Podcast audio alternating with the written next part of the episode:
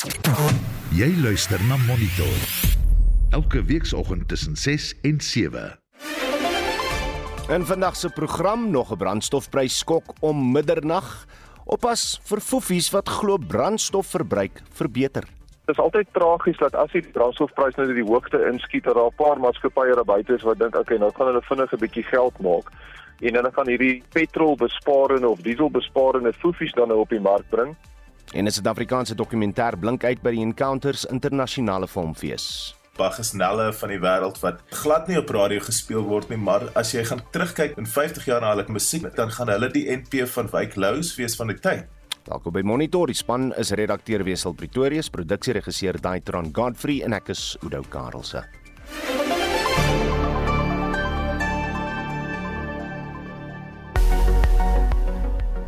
Goeiemôre, ek is Estie de Klerk met jou weer op Monitor vanoggend soos uitgereik deur die Suid-Afrikaanse Weerdiens.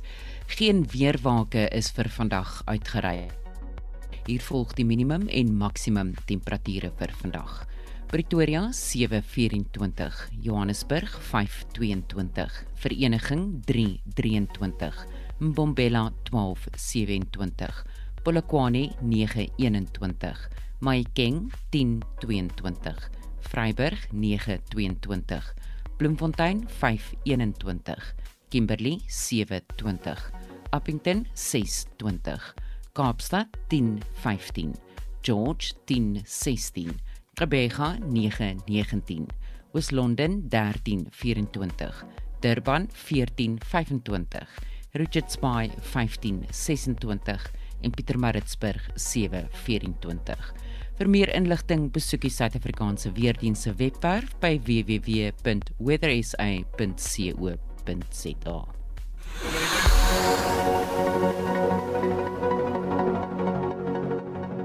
Daar is geen verkeer. Ons begin in KwaZulu-Natal. Daar was 'n botsing op die N3 Wes na Chatterton weg. Die regterbaan daar is versper. Vir nou is die paai nog stil, maar jy kan verkeersnuus stuur aan 45889. Dit gaan jou R1.50 kos. Jou eerste woord daar is verkeer.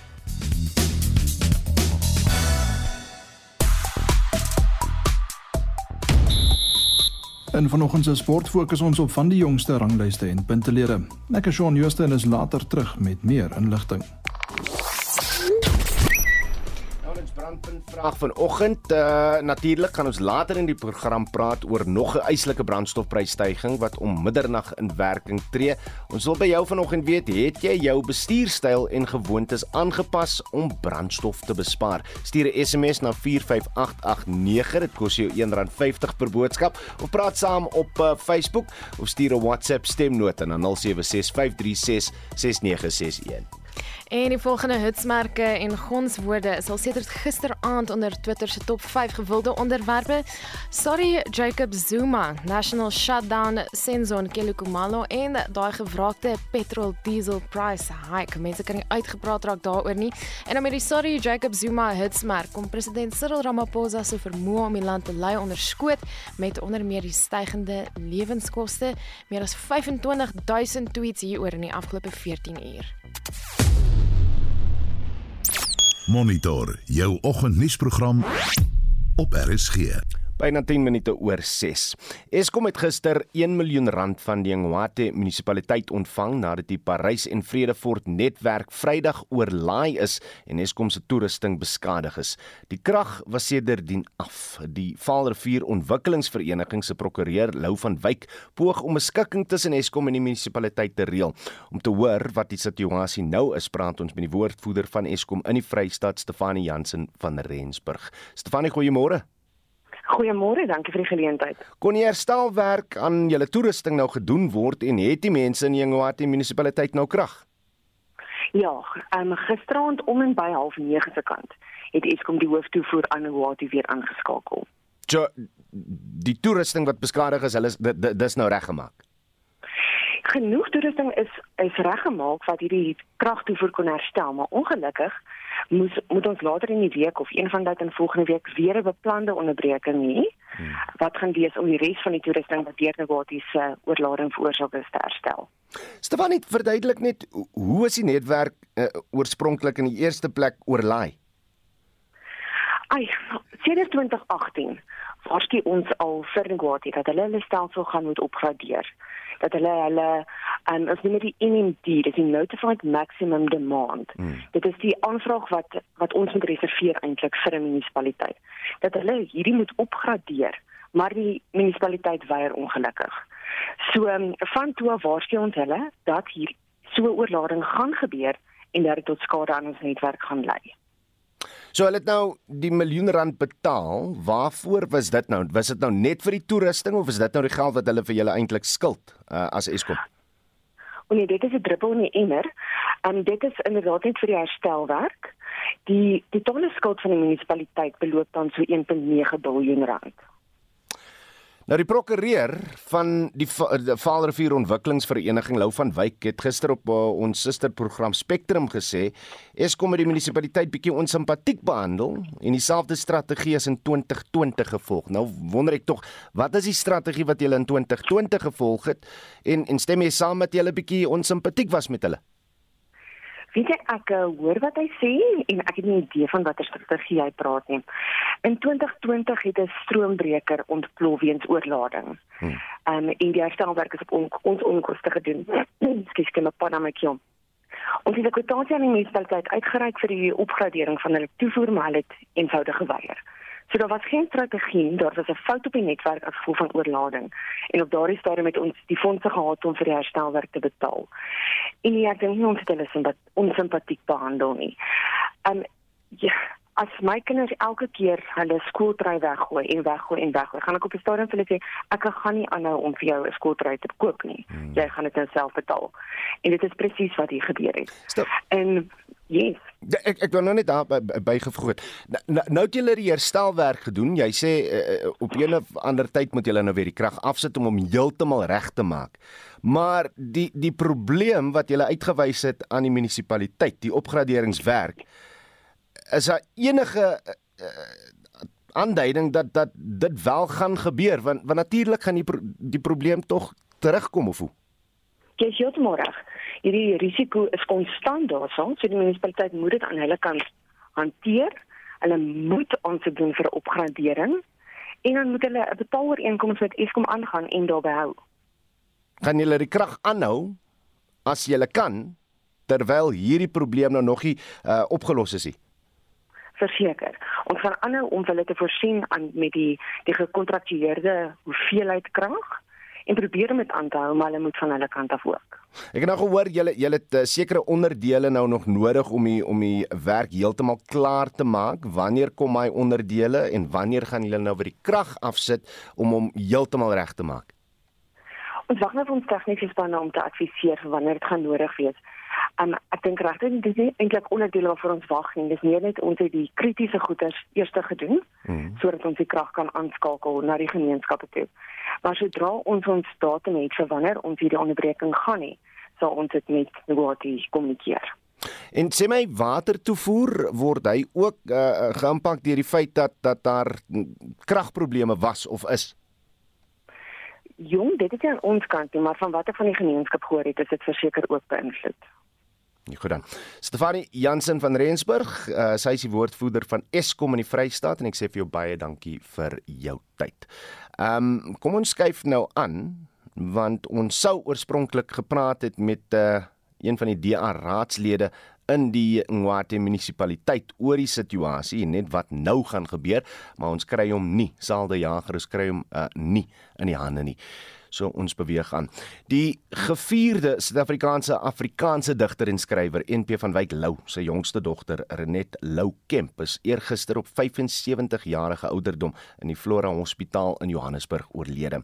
Van Wyk Lou het 3 dogters en 1 seun uit twee huwelike gehad. Mitsi van der Merwe doen verslag. Van Wyk Lou het twee dogters uit sy eerste huwelik met Joan Wessels gehad, Ria en Nakki. Albei is reeds oorlede. Renet Lou Kemp, 'n voormalige joernalis, was sy oudste en enigste dogter uit sy huwelik met Trida Pool. Dit was sy tweede huwelik. Trida Pool was die suster van die aktrise en filmvervaardiger professor Anna Netling Pool. NP van Wyk Lou se enigste oorlewende kind en seun, Pieter Lou, sê sy suster Renet Lou Kemp se dood was onverwags. Nadat sy aan die einde verlede jaar met 'n kankeragtige gewas in haar nek gediagnoseer is, het sy aanvanklik goed op behandeling gereageer, maar het later verswak. Sy het toe baie moeilik begin loop, sy het begin val en hmm. uiteindelik is haar weerstand so afgetakel dat sy begin infeksies kry en uiteindelik ernstige longontsteking waarop sy nie goed gereageer het nie of ten minste op die medikasie. Kempis na bloedklont in haar long in die rehabilitasiesentrum dood. NP van Wyk Lou word deur die geskiedskrywer professor Herman Gilomee beskou as 'n Afrikaanse skrywer van opstelle oor kulturele politiek wat nie 'n gelyke het nie. Hy het 5 keer die Hertzogprys ontvang wat jaarliks aan Afrikaanse skrywers deur die Suid-Afrikaanse Akademie vir Wetenskap en Kuns toegeken word en die mees gesogte prys in Afrikaanse literatuur is. Die prys is in 1914 as deel van die tweede taalbeweging ingestel. Die digter Tosius het in 1915 die eerste Hertzogprys ontvang vir sy versamelde gedigte Trekkers Wee. Die prys word toegeken in gedigte, prosa en drama en was voorheen ook toegeken vir wetenskaplike artikels. Van Wyk Lou se enigste oorlewende kind, Pieter Lou, deel sy ervaring om so 'n bekende man se kind te wees. As jonk is dan weet ek nie eintlik nie veel van die besef wat 'n hoe beteken. Wel later het ek gevind dat van my maatjies uh, dit het dan op 'n ander manier genom na my kyk en uh, dit ja dit het dit later wel 'n aanpassing begin word maar ek het nie eers sê maar 10 jaar van my lewe was dit eintlik dit het geen verskil gemaak nie Pieter Lou is die bekende Afrikaanse skrywer NP van Wyk Lou se enigste oorlewende kind. Mitsi van der Merwe, SAK-nuus. Regeringsleiers en internasionale organisasies is vir 'n tweedagse konferensie in Switserland om 'n plan van aksie saam te stel vir die heropbou en ekonomiese herstel van Oekraïne. Die koste sal na verwagting honderde miljarde dollar beloop. Ons praat nou met 'n politieke ontleder verbonde aan Unisa, professor Joansi van Wyk. Prof, goeiemôre. Goeiemôre Oudo. Niemand weet hoe lank die konflik gaan duur nie. Is so 'n vergadering nie bietjie voortydig nie? Ja, dit is nogal uh, voortydig as mense dink wat die onlangse gebeure is met die Russe wat er nou ehm um, Luhansk en ehm um, Lysychansk ehm um, aan die ooste daarvan ehm um, beheer oorgeneem het. Maar goed, ons moet hierdie konferensie sien in die konteks van die reeks konferensies wat ehm um, Oekraïne die afgelope 4, 5 jaar onder andere in die VSA Kanada, Denemarke, Litouwe um, gehad het. So dit is maar tipies soos enige ander regering sal hê, is 'n tipe van 'n beleggerskonferensie. So die fokus het nou basies vir jaar verander na 'n herstelkonferensie. Hmm. En dit dit is maar soortgelyk aan die konferensies wat ons eie president hou om beleggers te kan lok. Maar natuurlik met die, die inval van Rusland het die fokus natuurlik nou heeltemal verander, nie net na in die in die in die periode na um, die pandemie nie, maar nou spesifiek na die herstel van infrastruktuur, ehm um, sosiale herstel, ehm um, terug kinders terugkry by skole et cetera. En natuurlik nou ook om ehm um, dit geld nou te kry, soos wat jy reg genoem het, syfers van 750 miljard dollar word genoem wat hierdie totale um, heropbouplan gaan neem. Maar ons weet dat die oorlog intussen nog gaan gaan voortduur. Sommige praat van 2 jaar, ander praat van korter. Putin word 70 in Oktober. Ons dink hy is nog 'n gesonde 70, so hy gaan nog lank aan hierdie oorlog ehm um, ehm um, betrokke wees. Maar ek dink dit is weer 'n teken van die veerkragtigheid van die Oekraïense regering wat planne maak ten spyte van hierdie uh, vernietiging rondom hulle om dan die simbool en die simboliek deur te stuur en sê maar jy ons veg. Julle breek af ons bou op en ons kry groot internasionale uh, ondersteuning vir ons pogings. Jansie jammer dat ek nou so net so hamer op hierdie punt vir my is dit net so so eienaardig. Was daar al voorheen 'n geval waar oorlogsmisdade en heropbouplanne voor die oorlog verby is bespreek is Ja, weet jy, ons het maar as in hierdie stadium 'n verwysingspunt maar die Tweede Wêreldoorlog waar daar in die laaste fases van die oorlog begin gesels is, maar wat doen ons met met oorlogsmisdadigers? Wat doen ons met die die heropbou en ontwikkeling? Ons weet die Amerikaners het die sogenaamde Marshallplan ehm um, vir Europa bekend gestel wat natuurlik Europa se heropbou binne 20 jaar dan nou soort van op sy voete gehad het en ekonomieë wat vernietig is as gevolg van die oorlog 'n kans gegee het van die Europa ehm um, besef soos wat die Amerikaners toe besef het is dat ons kan nie bekostig dat 'n land wat so belangrik is of 'n land wat dan direk op ons voorstoep is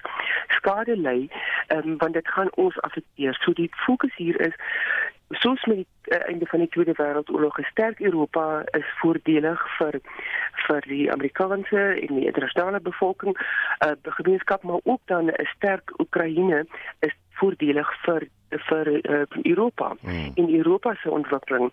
En natuurlik 'n sterk Oekraïne sal deel van die argument wees is in staat wees om Rusland te kan beveg. En nou weet ons dat daar is nog steeds debat is moet troepe op die grond gesit word, maar nou is daar al die alternatiewe maniere wat dan gesê word, maar goed, ons gee wapens, ons gee vernuf, ons gee kundigheid en hoe ons dan kan om vir Oekraïne te herbou. Hierdie is 'n omvattende proses wat ook nogal uniek is waar die ehm um, Amerikaners hoofsaaklik betrokke was by die Marshallplan ehm um, en die VN by ander eh, soortgelyke ontwikkelingsprogramme soos in Afghanistan, Libië en Sirië waar daar ook sulke tipe ontwikkelingskonferensies was of opboukonferensies was. Is hierdie nou die inisiatief van die land wat in oorlog staan Oekraïne en in plaas van om dit dan nou self aan te bied het Switserland dan nou 'n vernoot geword om dit in op 'n neutrale land te kan hou. So ehm um, en dit is 'n wye konsultasieproses ook en as mens kyk na die dokumentasie wat uitkom is daar baie van die werk is self deur die Oekraïense regerings um, amptenary gedoen te midde van hierdie oorlog en die idee is dan om basies te sê dit is die probleem wat ons ervaar, dis die kundigheid wat ons nodig het. Wat kan julle bied in terme van nie net rand en dollar nie, maar ook in terme van ondervinding en kundigheid. Dan wil ek ook net vra Johansi, die, die groot probleem van korrupsie in Oekraïne is glo ook bespreek. Hoe sou dit inpas by 'n heropbouprogram, maar ook Kan Amerika die sentrale figuur van Oekraïne se heropbou wees van hulle is in die verlede bes, uh, daarvan beskuldig dat hulle gehelp het om korrupsie in die land te bewerkstellig? Ja, um, as jy ehm um, somhou met die hele aansoekproses rondom die Europese Unie lidmaatskap et cetera het Ursula von der Leyen die die voorsitter van die Europese Kommissie byvoorbeeld verlede week gesê is die Europese Kommissie staan bankvas agter Oekraïne hmm. maar dan moet sekere regs um, vernuwing moet plaasvind korrupsie moet aangespreek word nou 'n oorlog het het 'n manier om sekere praktyke vaster te, te belê en te sement omdat dit vir mense oorlewings um, meganisme dan word. Maar wat nou moet gebeur is en dit is deel van hierdie konferensie is dat daar moet gekyk word na wetgewing, daar moet soort van 'n maatskaplike her besinning wees van korrupsie in 'n staat wat verantwoordelik is en van business unusual dat daar hmm. moet nuwe demokratiese oorsig deursigtige prosesse moet ingestel word sodat die staat dan aantreklik is ook vir sy Europese bondgenote. So ek het vermoed dat die konferensie gaan ook daaroor dat daar soveel oor in loop oor in stemmende oor koepelende ehm um, en ook duplikasies natuurlik van hierdie hulp dat hierdie is 'n manier om basies ehm um, te sê maar goed hierso is dan 'n state wat in hierdie forum gaan deelneem ehm um, wat aan byvoorbeeld wetgewing en regsvernuwing gaan deelneem en dan um, ander wat dan meer in tegnologie gaan belê. So dit lyk my daar's meer van 'n georganiseerde manier, maar een ding is seker is dat Oekraïne as 'n staat sal inderdaad moet um, verander om dan kom ons sê dit om in die Europese ehm um, vorm te kan pas en aanvaarbaar te kan wees vir die Europese standaarde van regering, burgerlike verantwoordelikheid en regeringsverantwoordelikheid. Professor Joansi van Wyk, uh, baie dankie vir jou tyd en uh, die prof is 'n politieke ontleder van Unisa. Die Noord-Kaapse dorp Orania beoog om binne die volgende 5 jaar onafhanklik van Eskom se krag te wees. Die dorp het onlangs fase 1 van sy hernubare energieplanne voltooi. Die dorp genereer self reeds meer as 20% van al sy kragbehoeftes. Ulrich Hendriks doen verslag. Magdalene Kleinhans is een van die grootste werkgewers in Orania. Beerdkrag het daar onderneming se groei erg gekneelter en sy moes in hernubare energie belê. Nou dat die dorp sy afhanklikheid van Eskom verminder, lyk die toekoms heelwat blinker. Maar die restaurant is nou 'n storie van 'n ander kleur want daar het ons industriële oonde en op hierdie stadium moet ons alles aanpas om by beerdkrag in te skakel. Maar as die dorp mes ten minste met daai tipe van goed kan help, dan gaan dit beteken ons kan aangaan asof ons geen afhanklikheid van ander infrastrukture het nie. Oan voor hier die eienaar van 'n boumaatskappy kan nie wag vir energie sekerheid nie. Ons gaan moet ons eie elektrisiteit begin opwek anders dan kan ons nie groei teen die pas wat ons heidaglik groei nie. So ek dink die sonplaas is 'n groot bonus. Ons gaan nog 'n groter een moet bou. Voel ek persoonlik so. Die onlangs voltooide fase 1 sonkragprojek wek 841 kW op en is genoeg krag om aan 200 huishoudings te voorsien. Justredom 'n woordvoerder van die Oranje beweging verduidelik. Eerste stap is om te sê ons moet by Nersa die nasionale energiereguleerder registreer om te kan terugvoer wanneer ons meer produseer as wat Orania se behoefte is. Ons is tans besig met daardie registrasieproses. Dit is reeds aan die gang en na dit sal ons dan kan begin beplan aan die fisiese uitvoering van fase 2. Orania hoop om uiteindelik die meeste van hulle energie self op te wek. Rian Jacobs, die bestuurder van die Ora Sol projek, verduidelik. Ek reken ons 'n minimum van nog 'n megawatt piek, 1000 kW sononderg nog moet byvoeg, dalk 'n bietjie meer. En ehm uh, dit gaan dan gebruik word om ons dorp aan te dryf. Dan wil ons graag sies hierdie oggend begin om van onsself afhanklik te wees. Dwars deur die dag te gaan tot 10:00 die aand. Dit is die tyd wanneer meeste ekonomiese aktiwiteite in Orania plaasvind. Orania sê hulle meester energieplan gaan verander sodat meer mense na die gebied verhuis. Die beweging beweer die bevolking groei teen 10% per jaar en is nou 2500 mense. Die dorp bestuur homself apart van die Tembelihle munisipaliteit waaronder dit val. Dit volg op 'n suksesvolle hofgeding in die jaar 2000. Ulrich Hendriks, SAICanis, Orania in die Noord-Kaap. Die Encounters dokumentêre rolprent fees het sopas tot 'n einde gekom en twee Suid-Afrikaanse rolprente is as uitblinkers by die fees uitgewys. Volgens die jury is uh, François Verster se Girl Taken en Gideon Breitenberg se uh, Breitenberg se Voice Behind the Wall twee rolprente uit hierdie jaar se feesprogram om uit te sonder. Anne Marie Jansen van Vuren berig.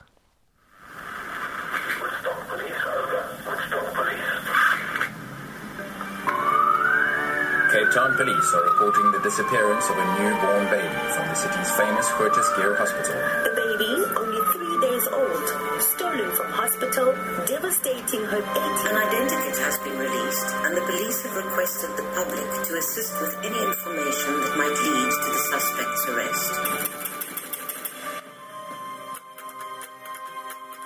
Regisseur Simon Wood en François Verster se dokumentêr Girl Taken handel oor hoe Stephanie Nurse, oftewel Michelle Solomon, die stukke moes optel nadat sy haar ware identiteit ontdek het. Verster sê die Encounters rolprentfees was Girl Taken se wêreldpremiere, maar dat hulle ook die fliek nou na ander internasionale filmfeeste gaan neem dan wys die film ook by die Galway Internasionale Filmfees in Ierland aan die begin van Julie. Die verspreider kyk ook na ander filmfeeste wat dit moontlik mag gewys word. Andersins beoog ons dat die film ook sal vertoon vir 'n week of 'n paar weke by die Labia Theater in Kaapstad en ook by die Bioscope in Johannesburg. Dis nog alles reëlings wat ons nou besig is om nog te onderhandel en daarna sal die film in Suid-Afrika op Mnet ook versprei word. Ons het 'n agent, Abacus Media, wat die film hom wêreldwyd versprei. So hy gaan wys op Paramount Plus. Dis nou die nuwe stromingskanaal Paramount in Engeland en ook in Duitsland en ons hoop dat daar verdere verkope ook sal wees van die film.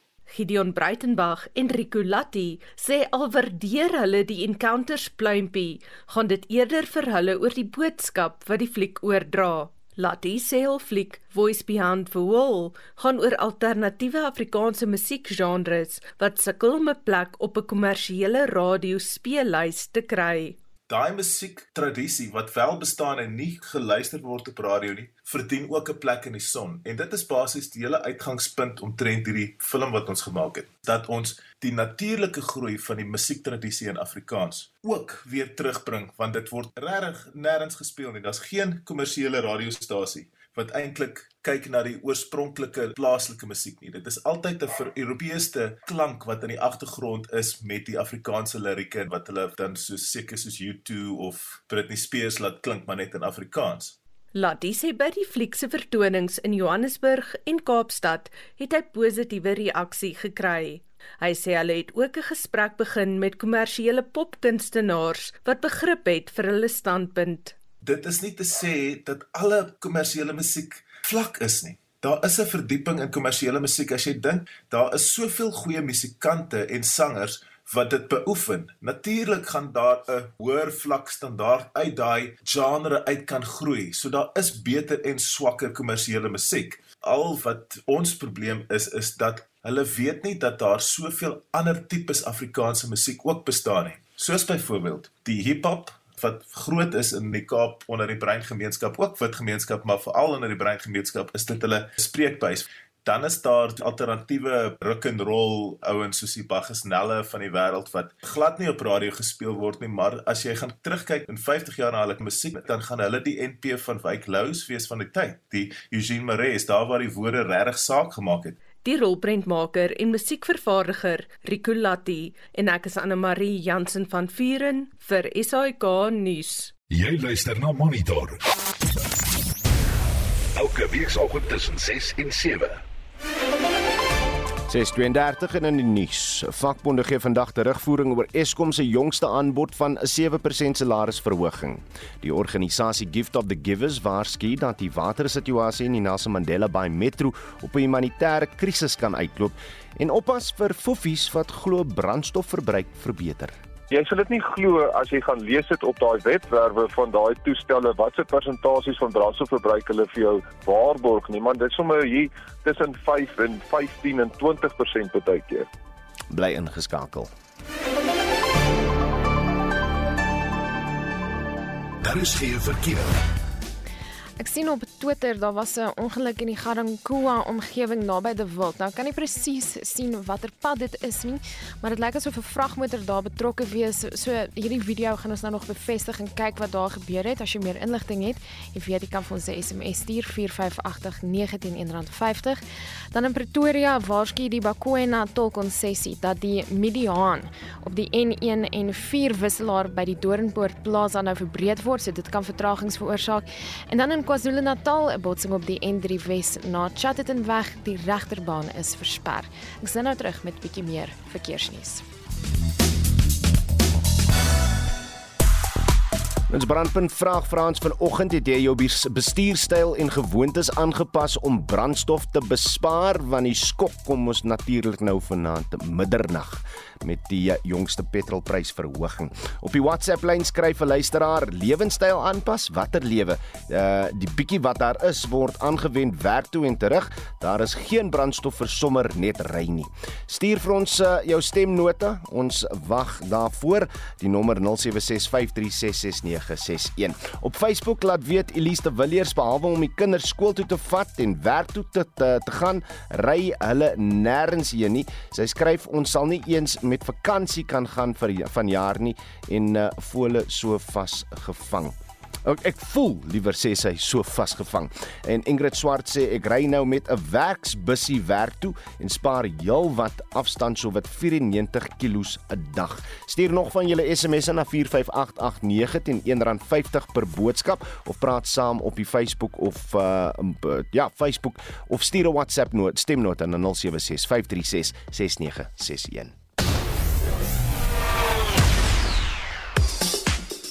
Shaun Jooste slag gereed met die jongste sportnuus. Shaun, goeiemôre. Goeiemôre Oudo. Banyana Banyana het al Afcon toernooi in Marokko gisteraan afgeskop. Hoe dinge gegaan teen Nigerië? Ja, dit was 'n uitstekende vertoning deur Banyana Banyana wat die verdedigende kampioen in Nigerië met 2-1 geklop. En dit beteken natuurlik 3 punte in groep C met wedstryde teen Burundi en Botswana wat nog voor lê. En dan daar die top 4 span in die toernooi outomaties vir die vroue wêreldbeker toernooi kwalifiseer. So nou 'n onkoming vir die Springbokke in hul eerste toets teen Wallis. Is daar enige verandering op die wêreld rugby uh, ranglys? Ja, Suid-Afrika bly nommer 1, maar is nou onder druk van Nieu-Seeland in die tweede plek nadat hulle natuurlik vir Ierland met 42-19 afgeransel het. En Frankryk is derde. Ek wil ook net noem dat die bokspan vir die tweede toets in Bloemfontein later vandag bekend gemaak word. En dan net vinnig ons junior bokke speel vanmiddag 5uur in Italië die 120 somerreeks teen Frankryk. Dit is hulle laaste groepswedstryd. En op dag 1 van die onder 18 krywenweek was daar oorwinnings vir die Westerlike provinsie, die WP 15tal, asook die Haie en Griekwas. Ag, wat is die jongste by Wimbledon? En gister se laaste 16 ronde, die tweede keer as Spanjaard Rafael Nadal 6-4, 6-2 en 7-6 met Nederlandse Boutik van de Zandskuld geseëvier. En uh, in die vroue afdeling het die nommer 16 Simona Halep van Roemenië 6-1 en 6-2 met die vierde keer as Spanjaard Paula Badosa uh, klaar gespeel. En vandag se kwart eindronde meer die nommer 1 Novak Djokovic van Servië teen die nommer 10 van Italië Jannik Sinner kragter. Ja, ja wat drama by uh, Silverstone vir die 10de ronde van die 2022 Formule 1 seisoen. Hoe lyk die punteleer nou daar? Die Red Bull renner Max Verstappen van Nederland is die voorloper op 181 punte. Sy spanmaat Sergio Perez van Mexico is tweede op 147 Ferrari se Charles Leclerc van Monaco derde op 138 punte. Die top 3 vervaardigers is Red Bull op 328, Ferrari op 265 en Mercedes op 204 punte. En dan sluit ons af met 'n bietjie hokkie van die Wêreldbeker toernooi in uh, Nederland en Spanje en asook uh, nuus uit die Tour de France. Ja, dit is die 15de vroue wêreldbeker toernooi. Suid-Afrika het hulle openingswedstryd teen België die naweek met 4-1 verloor. Hulle speel vanaand 6uur teen Japan. En dan by die Tour de France is Wout van Aert van België die voorloper. Hy is 7 sekondes voor sy landgenoot Yves Lampaert en 14 sekondes voor die verdedigende kampioen Tadej Pogačar van Slovenië. Suid-Afrika se Louis Mentjes is algeheel 63ste en Reinhard Jansen van Rensburg 89ste. En dit staan Shaun Jooste van RSG Sport.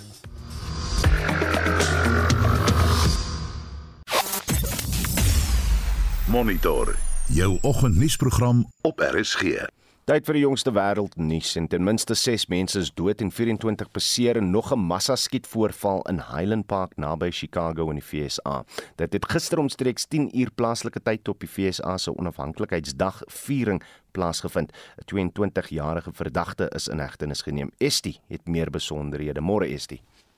Môre Oudo, ja, skaars 10 minute nadat families bymekaar gekom het in 'n gegoede woonbuurt om 'n parade by te woon en die dag saam te vier, het die verdagte vanaf 'n dak begin skiet.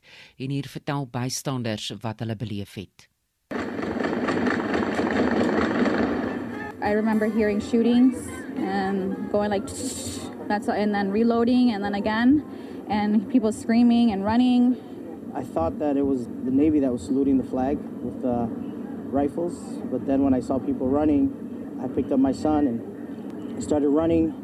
Started shooting again, and we ran behind the building, and I put my, my son in a dumpster. I went back. There was a few people shot on the ground, and there was a little boy that was in somebody's one of the police officers' arms. That was the worst experience ever because you know all I thought about was my son. Nog nie 1 week het hierdie jaar in die FSA verbygegaan sonder dat daar 'n massaskietvoorval in die FSA was nie. Hier is Highland Park se burgemeester Nancy Roaring. This morning at 10:14, our community was terrorized by an act of violence that has shaken us to our core. Our hearts go out to the families of the victims during this devastating time. On a day that we came together to celebrate community and freedom, we're instead mourning the loss, the tragic loss of life and struggling with the terror that was brought upon us. Die polisie het die wapen op die toneel gevind, maar nie die 22-jarige Robert E. Cremo die derde en hy is eers later die dag na soektog deur die polisie in hegtenis geneem. Hier is die hoof van die polisie in Highland Park, Lou Jockman. The person of interest, Robert Cremo III, was spotted by a North Chicago unit at Buckley in 41, his vehicle, the vehicle that we were looking for. He uh, attempted to initiate a traffic stop on that subject. That subject did flee. A brief pursuit was went on. Ultimately, they were able to get the subject stopped. Uh, the subject was taken into custody without incident. En dit was die hoof van die polisie in Highland Park, Illinois, Lou Jackman. Nou verskuif ons die fokus na Oekraïne waar uh, Rusland se president Vladimir Putin uh, Russiese soldate geluk gewens het Estie met wat hy die bevryding van die oostelike streek van Luhansk noem. Dis reg Udo en in 'n TV-onderhoud met die Russiese president van verdediging het Putin gesê dat die soldate wat deel was van die operasie 'n ruskans verdien terwyl die ander eenhede moet voortveg. Oekraïne se president Volodymyr Zelensky het vroeër bekend gemaak dat Oekraïense magte uit Lysychansk in die Donbas-streek onttrek het met beloftes om weer eendag die gebied te beheer. Luitenant-kolonel Sergey Lipsky van Oekraïne vertel hulle het tot die einde probeer veg, maar hulle het nie genoeg wapens gehad nie. There's at least 5 times more Russian artillery here than what we have. Or even up to 10 times more. Daily, we pinpoint up to 169 enemy positions that are active all at the same time. en dit was 'n luitenant-kolonel in die Oekraïense weermag. En dan 'n uh, nuus uit Australië waar sowat 30000 inwoners van die groter Nieu-Suid-Wallis aangesê is om hul huise te ontruim weens moontlike vloede. Ja, en dit is nadat honderde millimeter reën die naweek uitgesak het en nog swaar neerslae wat verwag word. En verskeie gemeenskappe herstel nog van die oorstromings in Maart wat skade van sowat 4,8 miljard Australiese dollar veroorsaak het. En dit was 'n estimate oorsig oor vandag se wêreldnuus. Terug op tuisbodem, verbruikers word vanaf middernag weer hard geslaan met brandstofverhogings. Alle grade petrol styg met 'n styg met tussen R2.37 en R2.57 sent per liter. Die groothandelprys van diesel styg met R2.30 of R2.31 afhangende van die swaal inhoud. Die pyn by die pomp is erger omdat die verligting op die brandstofheffing die maand van R1.50 tot 75 sent halveer is. Die prys van 'n liter in 95 oktaan petrol is nou R26.74 'n liter in Gauteng en R26.9 aan die kus. Parafin sal ook môre R1.66 'n liter meer kos. Ons praat hieroor met die onafhanklike ekonom Elise Kreer. Elise, goeiemôre. Goeiemôre Oudo. Kom ons praat net eerstens oor die redes vir hierdie geweldige stygings. Wel, uh, jy noem dat die dat die brandstofheffing nou verminder is, maar dit was eintlik nie die hoofrede vir die geweldige stygings nie. As ons kyk na wat het gebeur met die oliepryse in die maand van uh, Junie, sien ons die oliepryse was gemiddeld omtrent 117 dollar per vatjie wat vergelyk met Mei maand se 111, die amper 112. So daar was 'n groot stygings in die oliepryse en daarmee saam ehm um, het die rand wissel koers 'n bietjie verligting gegee so min of net 20 sent sterker gewees op 'n gemiddelde basis. Maar daai faktore alleen het die petrolprys uh, onder verhaling gemiddeld op R1.82 per liter gebring en aan die dieselkant omtrent R1.55. So ongeag wat met die fuel levy sou gebeur, die brandstofheffing sou ons in elk geval 'n net 'n geweldige verhoging gehad het in die orde van van die van hierdie syfers amper weet op pad na R2 toe. Maar die regering het dan nou ook dit uh, van dit nou reeds ons kennis gegee dat die tydelike verligting op die brandstofheffing wat hulle nou in plek gehad het van April af, so April, Mei en Junie het ons elke maand uh, R1.50 uh sent verligting gehad op die brandstofheffing dat hulle dit wil uitfaseer en dat ons dan nou van Julie maand af net 'n 75 sent per liter ehm um, verligting het, so die helfte van wat ons gehad het vir die afgelope 3 maande. So dit het daai ekstra 75 sent bygesit wat dit nou 'n verhoging maak hmm. van jy weet R2.57 en en so en so voort. Sou dit 'n goeie idee wees? Sou dit volhoubaar wees dat ons owerhede miskien net weer besin oor hierdie verligting uh, aan die heffing? Jong, dit is debatteerbaar, Udo, want jy weet dit uh, die brandstofheffing is 'n goeie indirekte belasting in die sin dat jy weet almal in Suid-Afrika wat wat 'n voertuig besit, betaal die brandstofheffing. So as jy nou 'n taxi is wat byvoorbeeld nie vir inkomstebelasting geregistreer is nie of iemand wat iewers dit dalk belasting ontduik, as jy kom by die pomp dan betaal jy ook jou bydrae vir die brandstofheffing. Hmm. So in daai opsig is dit 'n goeie belasting En die regering ehm um, kry kry groot chunk inkomste uit hierdie belasting uit. Dit so in die vorige finansiële jaar het hulle ongeveer 75 miljard rand geïn met die brandstofheffing. Hmm. En nou weet ons in die eerste 3 maande het hulle aangedui ongeveer 6 miljard rand, dit is die koste van die subsidie aan aan die nasie. So dit is debatteerbaar, dit mense kan sê gaan nog 'n bietjie aan, maar jy weet ons weet nie hoe lank gaan hierdie oorlog in uh, Rusland Oekraïne aan aanhou nie en lank as dit aanhou gaan die oliepryse hoog bly en jy weet gaan daar druk wees op brandstofpryse nie net by ons in Suid-Afrika nie maar in werklikheid wêreldwyd.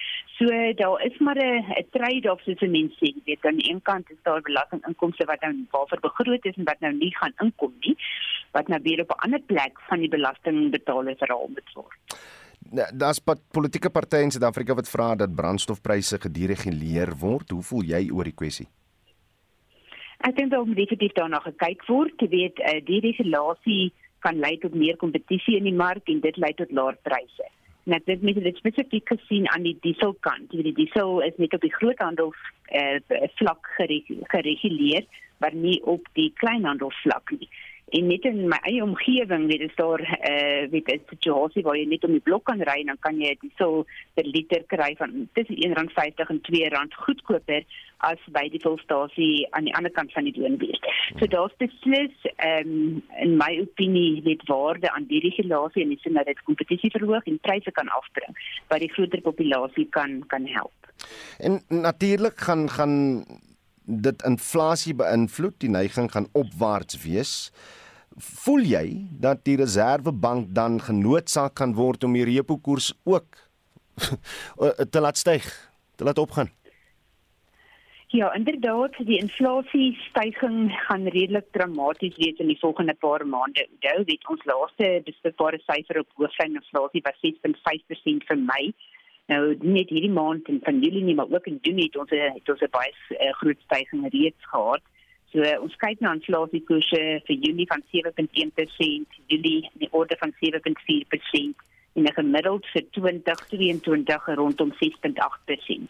So dit is goed die teikenband van die Reservebank. Ons weet hulle is ongemaklik met uh, hierdie tipe van vlakke omdat hulle dink dat dit ook inflasieverwagtinge aanvuur. Dat jy hoor die werklike inflasie uitkom, hoe groter is die loonverhoging wat gevra word en dit raak 'n weet 'n negatiewe pryskringloop in die ekonomie.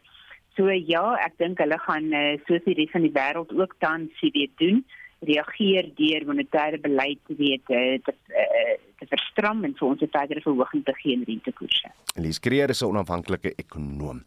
Te midde van die hemelhoë brandstofprysstygings is daar mense wat probeer minslaan uit foffies wat kwansies jou brandstofverbruik verbeter. In die jongste geval word 'n TikTok video wyd op sosiale media versprei waarin motoriste pille in hul brandstoftanks gooi om moontlike brandstof of of liewer om moontlik brandstof te bespaar. Tim Dunstan Smith wat die tablette teen R25 stuk verkoop, laat eeneens glo meer doeltreffend loop. Hy beweer dat hy tussen 7 en 14% minder brandstof gebruik.